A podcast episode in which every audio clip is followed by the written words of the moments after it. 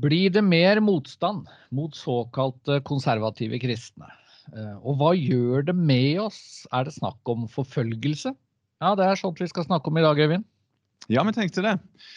Og det er jo um, en del ting i nyhetene i det siste som gjør at vi tenker det kan være aktuelt. Vi hører fra Stavanger og Klepp, der politikere er skeptiske til bedehusaktivitet, og NLA som opplever forskjellige ting som vi kan snakke litt om. Mye å ta tak i, og dette er altså Ottosen og generalen. To ledere i Misjonssambandet som bruker denne podkasten til å snakke om alt det vi er eh, opptatt av.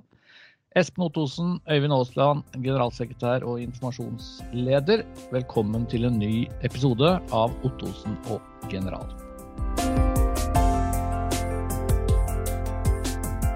Du, det er litt uh, nytt opplegg, Øyvind. Du sitter ja. et par mil uh, unna meg. Det må være smittevernmessig veldig forsvarlig?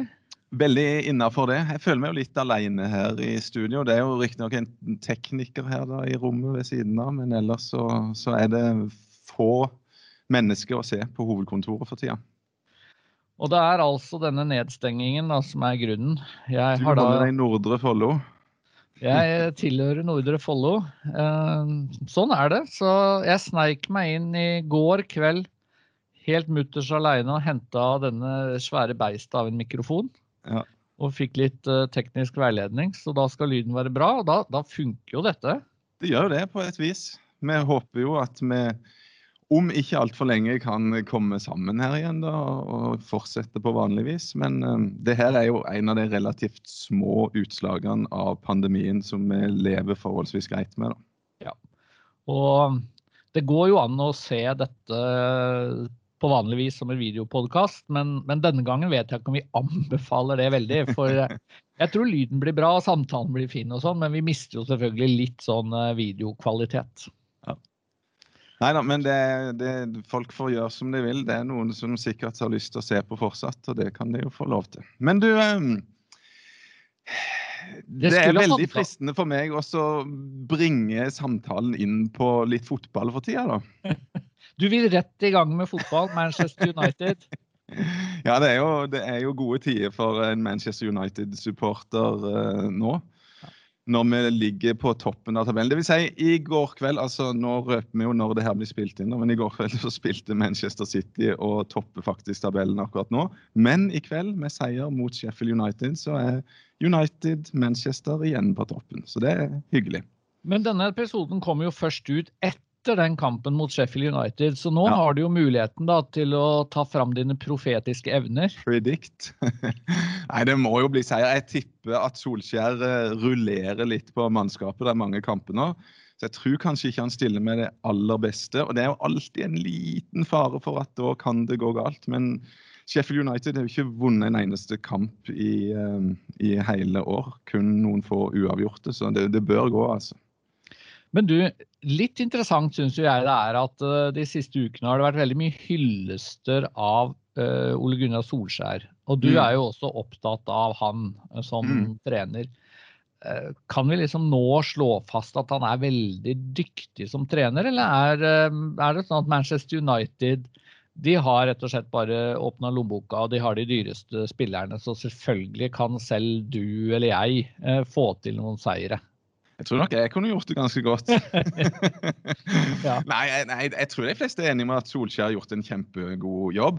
Med, sånn, F.eks. den situasjonen med Paul Pogba som, var, som hadde litt stjernenykke og ville vekk når ikke det gikk så godt med United, og agenten hans som kom inn og laga masse bøll og baluba. Og der har Solskjær vært uh, utrolig flink. Det, det, det, tror jeg de fleste er enige om, til å håndtere den situasjonen å få Pogba i gang. Og nå leverer han jo som aldri før på midtbanen til United. Så det er en stor prestasjon. Og det at de, du begynner å se spillemønster. Det, det er ikke bare et sånn kontringslag, men, men de kan uh, håndtere flere faser av spillet da, på en annen måte enn de gjorde før. Og Det tror jeg nok at uh, Solskjær må få en god del av æren for å ha, ha, ha etablert det. da. Og det er jo ikke sånn Ja. Blir du inspirert, Øyvind, og tenker at så god, god, som da Solskjær er til å få ut det beste av sine spillere, så god skal du være som generalsekretær til å få ut det beste av medarbeiderne i NLM? Er det en Absolutt. overføringsverdi her? Å ja, her er det stor overføringsverdi. Så jeg burde egentlig fått et lite seminar med Solskjær og hørt om han hadde noen tips. Du, Vi skulle egentlig snakka om eh, Etiopia i denne episoden. Det syns jeg nesten ja. vi må si, for, for, det er jo det, det kjipeste da, med denne nedstengingen. For, ja. Men vi tror det blir en Etiopia-spesial uh, om ja. ikke så lenge. Ja, vi satser på det. Å få en skikkelig Etiopia-spesial. og det med gode gjester i studio og snakke både litt om den uh, politiske situasjonen. Det, vært, det, var jo litt i media i Norge, men ikke så veldig mye. Prøve å få med oss gode folk som kan analysere og forklare litt hva som skjer. Og så i litt mer misjonshistorisk uh, lys. Um, for Misjonssambandet så er jo Etiopia og Mekan Jesus-kirka vært veldig viktig. Så vi, vi hadde lyst til å ha en skikkelig Etiopia-spesial. Så der teaset vi den eh, episoden. Mm. Du, eh, vi er jo av og til litt selvopptatte, eh, så da bør vi jo kanskje kommentere at denne podkasten fikk et voldsomt nyhetsoppslag i dagen. Det var vel i forrige ja. uke? Ja. Hva skal vi tenke om det? Hoveds, hovedoppslaget var altså at nærradioen, eller Petro, som jo er NLMs nærradionettverk, de ville ikke sende en episode, nemlig den episoden hvor vi snakket om varslingssakene som hadde mm. kommet til NLM? Nei, det, jeg syns jo ikke det er en sånn voldsom dramatikk i det. Jeg syns kanskje det er litt rart at Dagen lager et såpass stort nummer ut av det. Vi, vi var jo i, i utgangspunktet i tvil om det var rett å la Petro få lov til å sende podkasten vår. For det er jo et helt annet format. Vi lager jo ikke radioprogram. Så men, men så, så, er det jo noe med, med begrunnelsen og omstendighetene rundt det som kanskje som, som gjør at uh, Dagen valgte å skrive om det. Men for meg og for oss så oppleves det vel ikke så veldig dramatisk. Nei, jeg også tenker jo det. Og jeg har lyst til å si også, de som hører oss nå, at uh, vi har aldri tenkt at vi driver og lager veldig balansert journalistikk. Det, det er på en måte umulig. Mm. Vi er tross alt to av topplederne i Misjonssambandet, og det er vi to som møtes, og vi som styrer denne podkasten, det er vi som bestemmer hvilke gjester vi skal ha. Vi ønsker jo å behandle både temaer og folk på en veldig fair måte. Men det er ikke journalistikk det vi driver med. Det, vi må kalle det for å lage en podkast. Yes, det gjør vi. Men du Espen, en liten ting til før vi gyver løs på hovedtemaet. Det, det, kunne jo vært artig å, å, fortelle litt om den skituren som du og meg hadde sammen i, her i, eh, i, juleferien, egentlig, eller rundt nyttår. Ja, altså Nei, nå vi var kan... det Ja, var det, var i romjula? Ja, ja, eller var det men, men, eh, men, altså, vi pleier jo ikke å gå på ski sammen, for å si det Nei. sånn. Det, det, det, det har kanskje skjedd én gang før? Jeg tror kanskje det har skjedd en gang før. Ja. Og, og, det gikk jo sånn passe. Kan vi ikke si ja, det gikk sånn? sånn passe. Vi var jo på vei fra Frognerseteren til Ullevålseter og valgte å ta en litt uvanlig vei. Ja, vi skulle gå litt lenger, hadde vi bestemt, enn den, eh, de 4,7 km som jeg tror den veien er. Ja. Og jeg syns vi var ganske gode til å fylle skilting, men uh, for å gjøre en uh, lang historie litt kortere, så havna vi på en skogsbilvei. Som var strødd? Som var strødd. Og det stoppet ikke deg, for å si det sånn. Nei, Nei og greia var at det var ganske bratt nedoverbakke. Ja, og for å klare å komme seg ned, så måtte vi holde helt ytterst til høyre der det ikke var strødd, og rant ned og fikk større fart. Og plutselig så sto det et par med ei bikkje akkurat der vi skulle renne. Og jeg kom først og ropte, og de prøvde å flytte seg, men de, de holdt seg fint til høyre i veien. Ja. Så eneste muligheten var å skjære ut i der det var strødd, og det endte som det måtte det. Jeg rakk å tenke mens jeg var i lufta der, at nå blir neste stopp legevakten. Og du rakk antagelig å tenke også tro om en sykebil kan komme fram hit. For vi var, følte oss jo ganske langt ut i ødemarken. Ja, vi gjorde det. Men jeg rakk å snu, snu meg og se at du, at du, kom etter, og det skjedde akkurat det samme. da. Ja, og det syns jo jeg var litt kjipt, for jeg tenkte du verden hvor lett han falt, tenkte jeg. Og, og du verden hvor dramatisk det så ut, for du tok jo sånn skikkelig koldbøtte. Og jeg klarte jo å bremse litt mer ned enn deg, så jeg tenkte at uh, dette klarer nok jeg. Jeg må jo være bedre på ski enn Øyvind, så dette går nok fint. Men Nøyaktig det samme, altså. Rett ut i grusen. Skia stoppet meget uh, brutalt. Og jeg skrapa jo meg ganske grundig opp, jeg, da. Så det blei uh, det ble litt uh, tørking av blod på Ullevålseter. Men vi tåler jo en trøkk, da. Vi tåler en trøkk. Det, det ble ikke noe legevakt, heldigvis. Og du har gått på ski etterpå, du? Har du ikke det? Ja. ja. Så du tok ikke skrekken av det? Gjorde ikke det. Jeg skal faktisk ut en tur i dag. Det er nydelig vær og ti minus i Oslo i dag, så jeg tenkte at uh, litt utpå dagen nå så skal jeg ta meg en god tur i sola. Mm. Du, Det vi særlig hadde tenkt å snakke om, Øyvind. Har, eh, vi har laget en overskrift som eh, heter 'Nytt år mer motstand'. Og det høres jo ikke så veldig trivelig ut, men. Vi får jo litt følelsen av at uh, Eh, det er blitt enda mer belastende å være såkalt konservativ kristen. Og mm.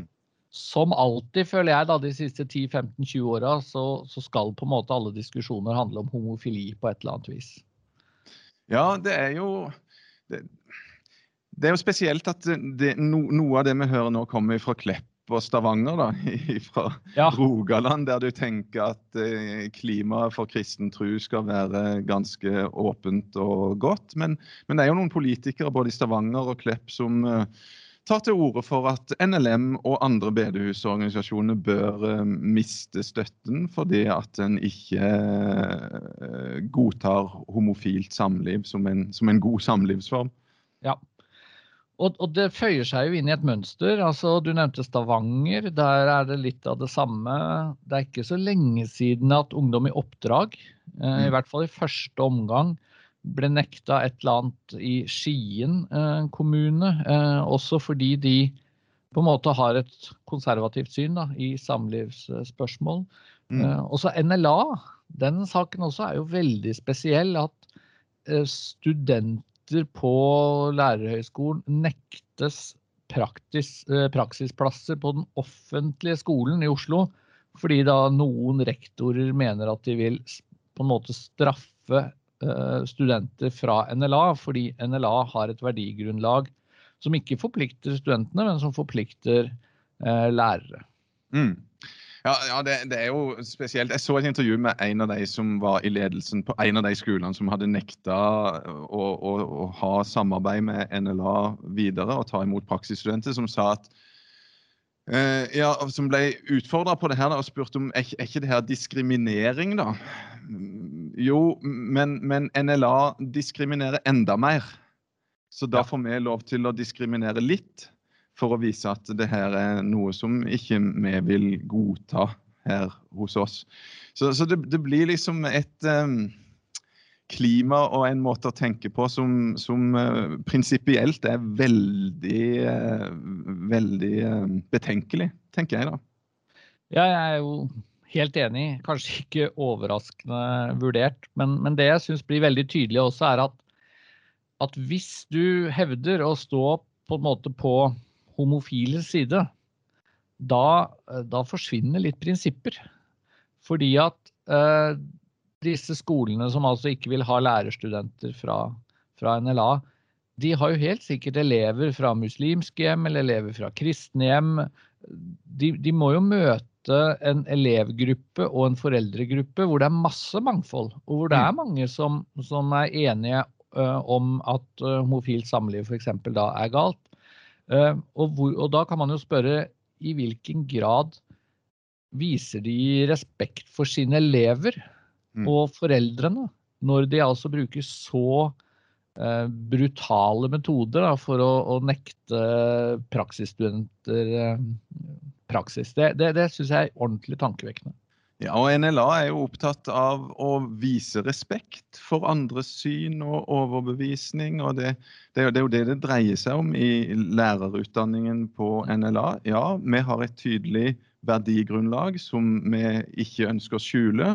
Men, men, det vil jo ikke si at oppgaven til våre lærere og praksisstudenter er å prøve å overbevise andre om det her, men å gi skikkelig god undervisning i alle fag og stå for faglig dyktighet. Og samtidig en bevissthet om at verdier er viktig, og det må vi snakke om. Og, og vi må respektere hverandre. Og dessuten så er altså dette verdidokumentet da, som rektorene kritiserer, det det gjelder jo ikke for studenter. altså NLA har helt sikkert masse studenter som er uenige med verdidokumentet, og masse studenter som ikke regner seg som kristne. Og, og det er jo ganske spesielt at de da blir straffa fordi de går på den institusjonen de går på. Det er, det er, veldig trist at det har blitt sånn. altså. Og, og det, er jo, det, er jo, derfor vi stiller spørsmål etter hvert. Er det, er det vil rommet vårt bli mer og mer innskrenka? Og som du innleder med å si, er det, er det, sånn at vi etter hvert må begynne å snakke om en form for forfølgelse i Norge? Mm. Og det, det, er jo tøft uttrykk. Men du tilbake til Klepp, som jo på mange måter er det som har fått aller størst fokus. Så jeg tenkte jeg skulle bare lese opp ja, det som er den formuleringen som Klepp nå vurderer, altså et kommunalt utvalg, de foreslår at organisasjoner som skal få støtte, må regne alle medlemmer og deltakere som likeverdige når det gjelder å kunne velges til styre, tillitsverv og posisjoner, uavhengig samlivsform, seksuell orientering, kjønn eller etnisitet. Mm. Og det er jo litt interessant. altså Det den kommunen da krever, er at du at man kan, skal ikke stille noen krav mm. til folk uh, for å bli valgt inn i et styre som handler om samlivsform, mm. f.eks. Så det betyr at det de mener uh, tydeligvis, da, er at en kristen menighet skal ikke kunne stille noen krav til samlivsform. Og det må jo også bety at heterofilt samboerskap, det, det må man akseptere. Og så mm. blir jo jeg litt sånn gretten, hadde jeg nær sagt. Og så har jeg lyst til å spørre tilbake at, at betyr det at, at, selv om en person står fram i en avis og forteller at jeg lever i et åpent ekteskap, eller jeg har akkurat uh, vært gjennom en skilsmisse, så nå bare ligger jeg litt rundt um, Det er en slags samlivsform, det òg. Skal alt det aksepteres, for, for ellers så driver man med diskriminering? Mm. Det er jo ganske radikalt, vil jeg si. At man skal tvinge alle kristne organisasjoner til en sånn policy? Det er jo veldig radikalt, og det er jo en, en fullstendig mangel på forståelse og respekt for vårt verdigrunnlag. Og, og, og, hvis virkelig en kommune velger å følge sånne retningslinjer, så, så, tror jeg kanskje ikke at jeg ser helt rekkevidden av det de gjør, da. Nei, Det hadde jo vært litt interessant om de kunne komme til skade for oss å skrive inn at de, de vil gi alle må kunne velges til styre, tillitsverv og posisjoner uavhengig av tro. Mm. For, for, jeg føler jo at den oppramsingen, ikke sant, kjønn, etnisitet, seksuell orientering Vi pleier jo gjerne å legge til tro ja. når vi har en sånn men, men, i så fall så ville man jo sagt at det er en slags menneskerett også for uh, buddhister uh, å kunne komme inn i et styre i en mm. kristen menighet. Og så langt har det ikke gått, og det henger jo på greip, selvfølgelig. Men, men for oss så, så, handler jo samlivsform om tro. Altså Det er en del av vår tro at vi har en lære om ekteskapet. Så det er jo der eh, kortslutningen ligger, tenker jeg. Ja, absolutt. Det, det er eh, virkelig en kortslutning. Jeg håper at Nå er det jo veldig mye støtte på Klepp da, som samles fra folk flest. Bedehus, ungdomsaktivitet og alt sammen. Og, og, og, det er jo virkelig en åpen plass der alle er velkommen, og, og der det er stor takhøyde. Så, så, så, jeg tror jo at um, folk flest i bygda og kommunen vil virkelig vise at det her er noe de setter pris på fortsatt, og, at uh, politikerne vil uh, fatte gode vedtak etter hvert. Jeg har jo tro på det, altså. Ja, og jeg tror jo at noe av det som har skjedd som er veldig positivt, er jo at det, det virker som bedehuset der og, og, og, de kristne organisasjonene er veldig opptatt av å vise at vi er uh, varme fellesskap. Vi er åpne fellesskap. Ingen nektes å, å komme hit. Uh, og det er kjempefint. fordi uh, ordføreren der var vel ute og begynte å sammenligne bedehuset der med lukkede miljøer og begynte å snakke om at vi ligna på eh, disse Brennpunkt-dokumentarene, som jo har vært ganske tøffe, bl.a. Jehovas vitner, har jo en veldig brutal eh, utstøttelsespolitikk. Um, og det å vise at, at vi er annerledes, eh, og vi praktiserer åpenhet, og det er ikke, det er ikke lukka sekter vi snakker om, det, det er jo kjempelurt, tror jeg. Det tror jeg er lurt. Og det er jo litt paradoksalt at vi i NLM altså, det er, det er jo faktisk det er jo faktisk noen som har kritisert oss eh, tradisjonelt for å ikke ha noe system på det. og, og, og ikke ha noe, vi har ikke, Det er jo først nå i det siste at du kan ha et formelt medlemskap i en forsamling og et trossamfunn i NLM. Det, det, det, har jo vært ganske laust og uformelt opp igjennom, og, og, der det ikke er mulig å stille noen krav eller noe sånt. Men, men der folk knytter seg til en misjonsforening eller forsamling NLM fordi at de syns at her finner vi noe vi liker, noe vi vil være med på og, og støtte. Så, så at, at, det skulle bli NLM som fikk en sånn eh, trøkk at vi ja. driver og ekskluderer medlemmer, det, det, er jo ganske paradoksalt. da. Ja, det er det. Og jeg tror det er mange som ikke er klar over det. Så vi kan jo snakke litt mer om det, Øyvind. fordi eh, jeg tenker at eh, hvis vi går tilbake noen tiår, så, så var det jo ganske mange i NLM som var litt sånn stolt av at vi er jo ikke en frikirke. Mm. Altså vi driver ikke og har formelle medlemskap. Og f.eks. historisk så har jo Frikirken, altså den lutherske frikirke, de har jo hatt såkalt A-medlemmer og B-medlemmer. Mm. A-medlemmer er på en måte de som går til gudstjeneste, de som er virkelig aktive i menigheten. Men etter hvert, når tiden går, så vil det jo være en del folk som har vokst opp da, f.eks. i Frikirken, men som ikke går til nattverd eller går på gudstjeneste. Kanskje de ramler innom på en, en tilfeldig søndagsgudstjeneste eller noe på julaften. Og så har altså Frikirken hatt A-medlemskap og B-medlemskap og hatt et veldig sånn system for det. Og for noen tiår siden så var det veldig mange i NLM som var veldig, ja, litt sånn stolt over at sånn driver ikke vi på. Mm. Og så var det noen som var sure på seg fordi at vi ikke tok ansvar, men, men liksom overlot alle kirkelige handlinger til Den norske kirke. Og så kalte vi oss sjøl for en kirke, iallfall i teologisk forstand. Men så hadde vi ikke noe system, og, og, og kanskje lite omsorg da, eh, noen, på noen områder for de som tross alt tilhørte fellesskapet. Så det her er jo det, det, her er jo litt, litt, sånn komplisert å snakke om, men, men det er iallfall helt sikkert at, uh, at NLM er en av de organisasjonene som har lagt minst vekt på medlemskap, på det formelle. Så har det jo skjedd både gode sjelesorgsamtaler med folk som kanskje der ledere så at nå er det noen av de som bruker å komme til bedehuset, som som vi burde tatt en prat med pga. måten livet utvikla mm. seg på, eller vanskeligheter de var oppe i. og sånn. Så, så, det lå jo noe sånn sjelesørgeriske og, og omsorgsfulle ting der. Men, men, det formelle var ganske fullstendig ja. ute av bildet.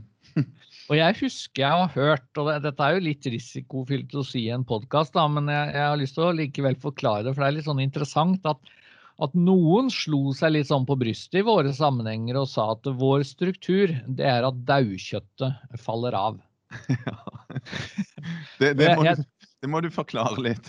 ja, for jeg tror ikke jeg skal anbefale den måten å si det på. Men litt sånn logikken var da at fordi vi er den type organisasjon vi er, uten formelt medlemskap, uten på en måte veldig mye struktur, men det som på en måte binder oss sammen, det er engasjementet for å nå ut med det kristne budskapet, engasjementet for bibeltroskap. altså Det er, det, er det som på en måte styrer.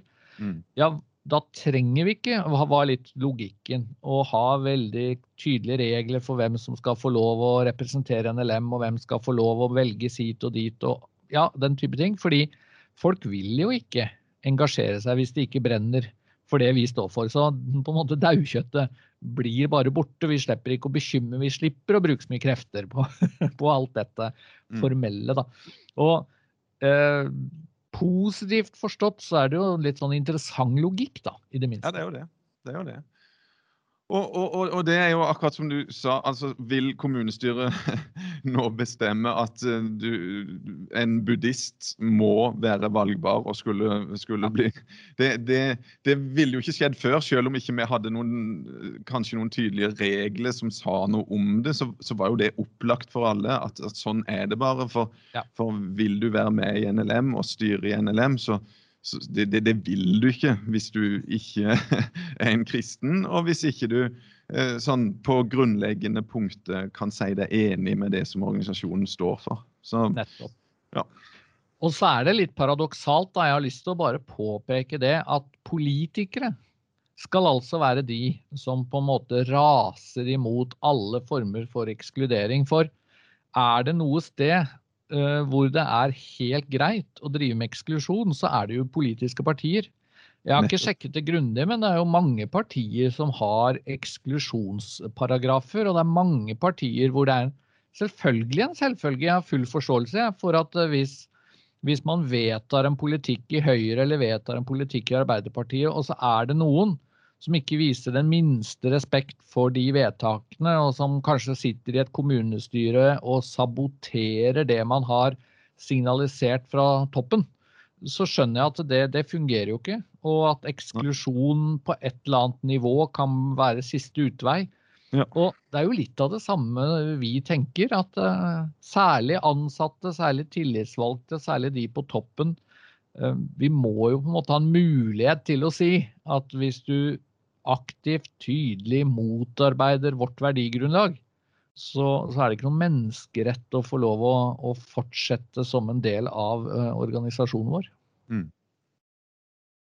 Du, det blir nok ikke siste gang vi snakker om de tingene her i podkasten, dessverre. Det er, noe, det er jo det er liksom ting som tyder på at vi kan møte mer og mer av det her. Og det er sånn, jeg tenkte på, Når, når vi, når vi liksom antyder kan det her være en type forfølgelse i Norge, så, så er det jo viktig å, å, å, si at det er stor forskjell på de mm. nå, nå var det Altså Åpne dører presenterer jo sin liste over de landene der det er verst og vanskeligst ja. å være kristen. Og Norge er jo ikke høyt oppe på den lista der.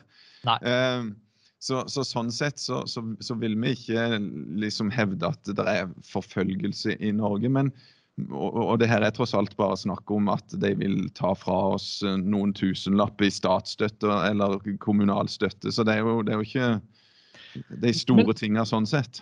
Men samtidig, altså det er jo litt sånn interessant Eller jeg tror det kan være litt smart å si at ikke alt er veldig greit i Norge òg. Jeg tror jo at, at uh, noen er litt for raske på en måte til bare å si at selvfølgelig er det ikke forfølgelse. Selvfølgelig er det enorm frihet for kristne. fordi at jeg tror at uh, altså Hvis du er en helt alminnelig kristen som går til gudstjeneste og møte og ligger lavt i sosiale medier og aldri sier et pip verken til lokalavisa eller noen andre, da er jeg ikke i tvil om at uh, man opplever ingen forfølgelse i Norge. Selvfølgelig er ingen redde for verken å bli bøtelagt eller få politiet på døra osv. osv. Mm.